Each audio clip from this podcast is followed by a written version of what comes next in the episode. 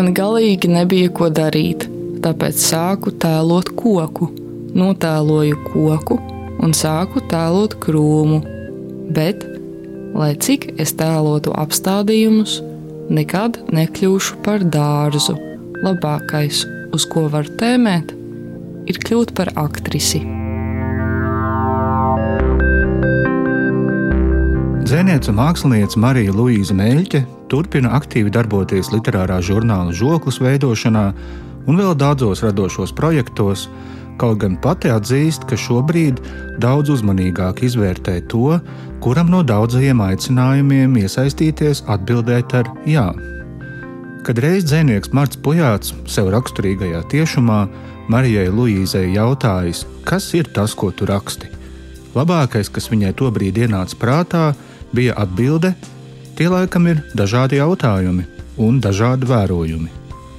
Nu, tie apkopoti autores debijas krājumā nerealizēto potenciālu klubs, kuru izdevusi tekstu grupa Orbīta Arta Ostupa redakcijā. Marija Luīze, labdien!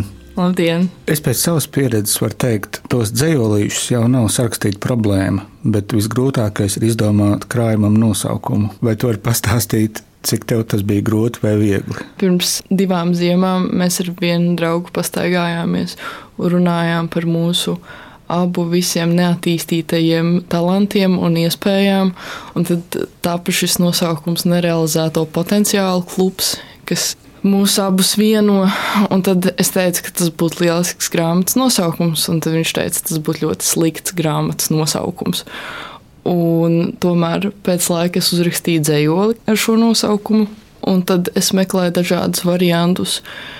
Grāmata, kā varētu saukties, un neviens tā īsti labs neizrādījās, un tad redaktors norādīja, ka šis ir labs nosaukums.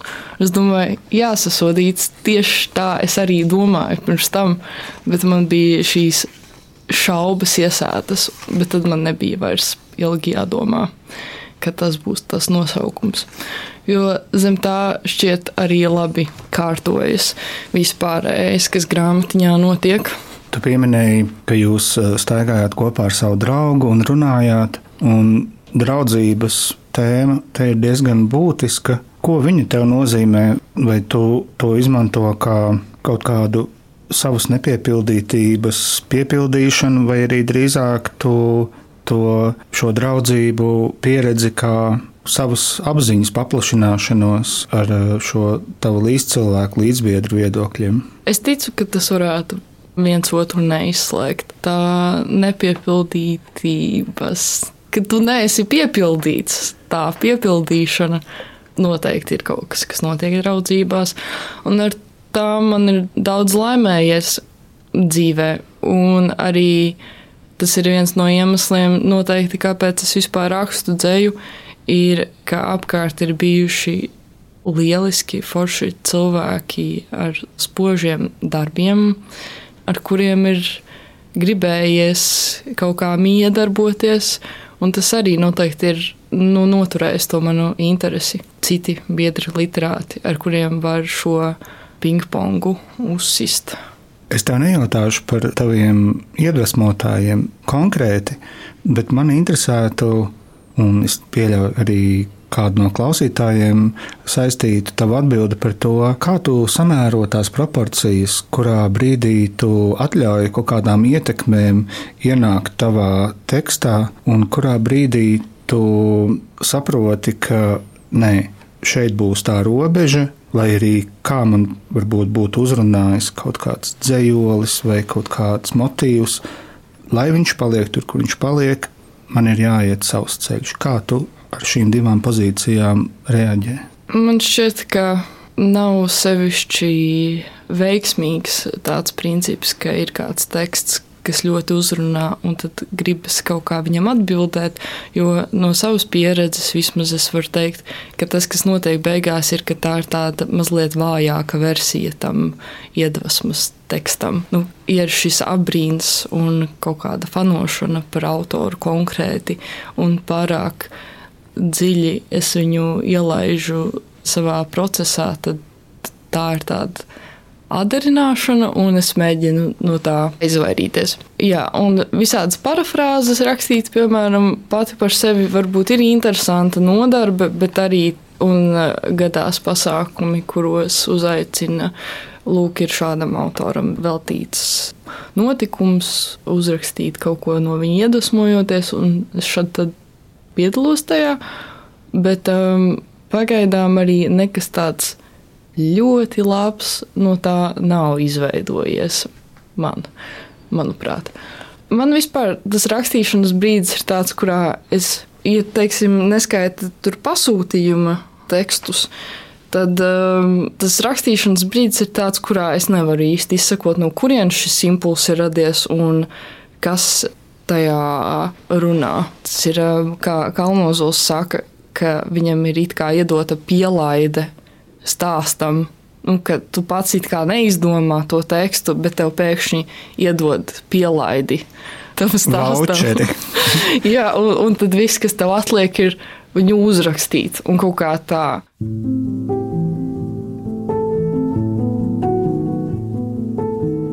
Nola 5, 02, 2021, 17.35, Piektdiena, Augustīns. Vēlāk es sāku arī smieties, vispirms guļot pēcāk nomodā. Tā vismaz man par mani ir stāstīts, un es tam ticu, jo esmu to redzējis citos bērnos, pats es to neatceros. Un lūk, pamazām es apjautu, kur es esmu, un vēlējos izrādīt savas vēlmes tiem, kuri tās varētu apmierināt, bet nespēju, jo tās bija manī iekšā, bet viņi bija ārā un ne ar kādām maņām nespēja ienākt manā dvēselē. Es svaidīju locekļus un izdvesu skaņas, manām vēlmēm līdzīgas zīmes, tās nedaudzās, kuras spēju, kādas nu varēju, bet tās vēlmēm īpaši neatbilda. Un tad, kad man neizdabāja, vai nu nesapratuši, vai lai nekaitētu, es biju sašutis par lielajiem, kas man nepakļaujas, un par brīvajiem, kas man nekalpo, un viņiem atriebos raudot.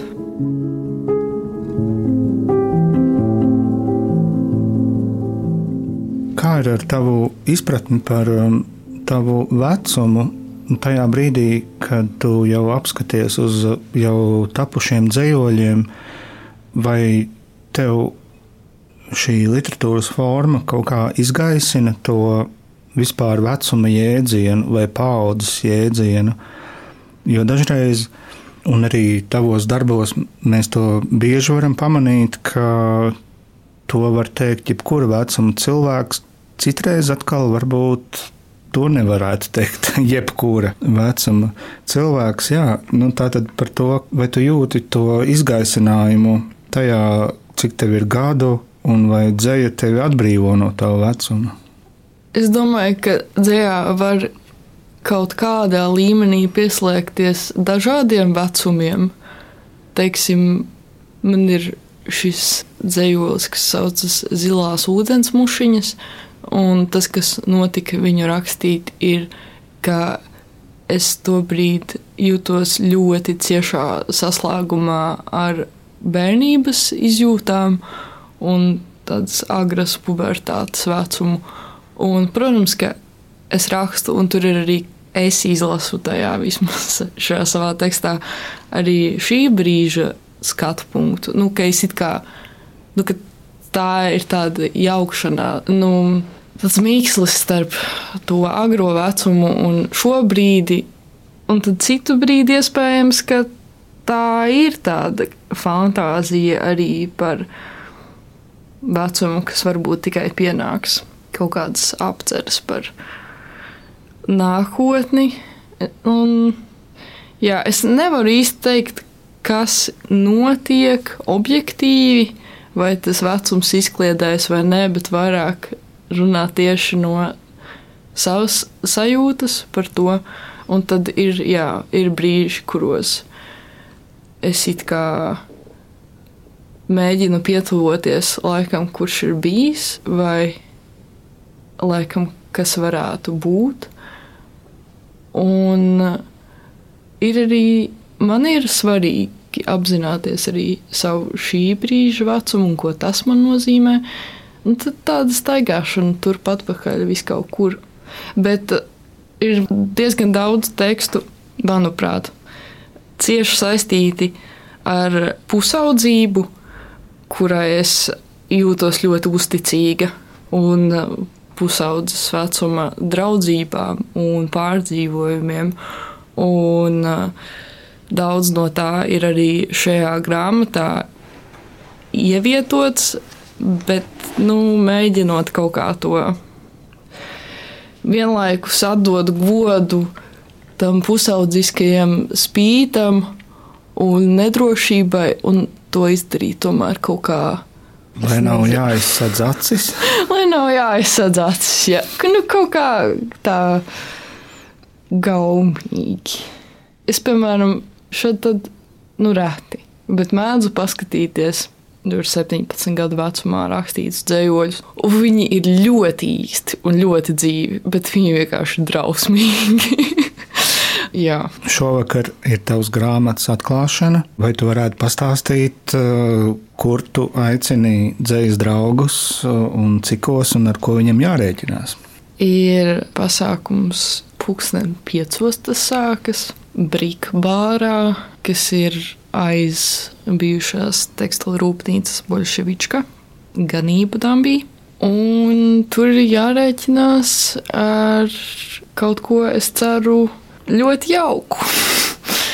Man gribētos, lai šis pasākums ir iespējams visiem satikties un priecāties par to, ka eksistē kaut kas labs, kur mēs varam visi piedalīties. Un es esmu uzaicinājusi pulku citu dzinieku arī piedalīties lasījumos. Bet tiešām ir liela atsaucība bijusi, un man ir liels pagodinājums par to, ka piebiedrosies šie laika biedri. Un tas man ir bijis svarīgi, jo, nu jā, kā jau minēju, man ir rakstīšanā bijusi visu laiku apziņa arī par tiem citiem cilvēkiem, kuri atrodas šajā nozarē un darbojas, un jūs man esat bijuši svarīgi. Un tad man nav nekāda prieka kaut kā izlikties, ka jā, es uzrakstīju šo grāmatu pati no savas galviņas, un man nekas, neviens vējš nav skāris, un neviens man nav bijis vajadzīgs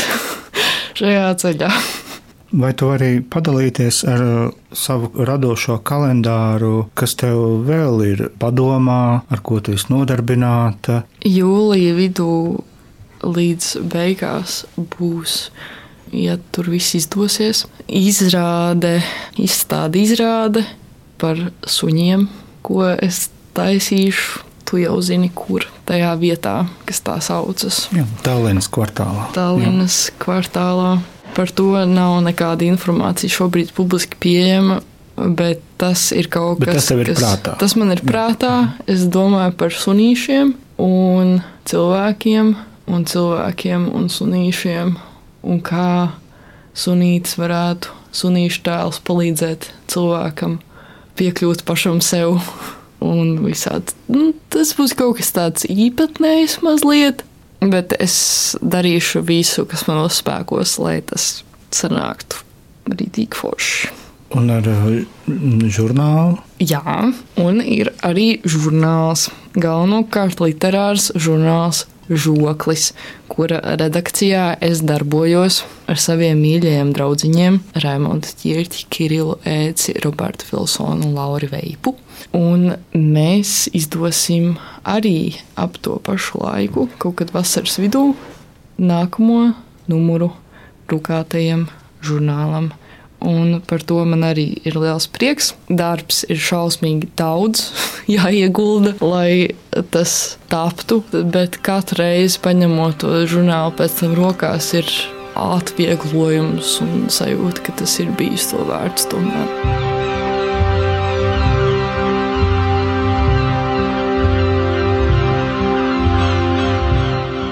Mūrāšana tumsā. Dzīve ir kļuvusi nozīmīgi labāka, kopš es pie griestu lustras savā istabā piekāru ezeru. Vārtam cauri mētātu bumbu, var tā spogulī vērot, kā mainās priekšmetu kompozīcijas. Vispirms skatoties rāmī no palodzes, tad, piemēram, uzkāpjot uz krēsla. Var iztēloties, kā ezerā iesēdies, kāds kaķveidīgs zvērs nedaudz šūpojas uz priekšu un atpakaļ, astes galam cilājoties te pa labi, te pa kreisi.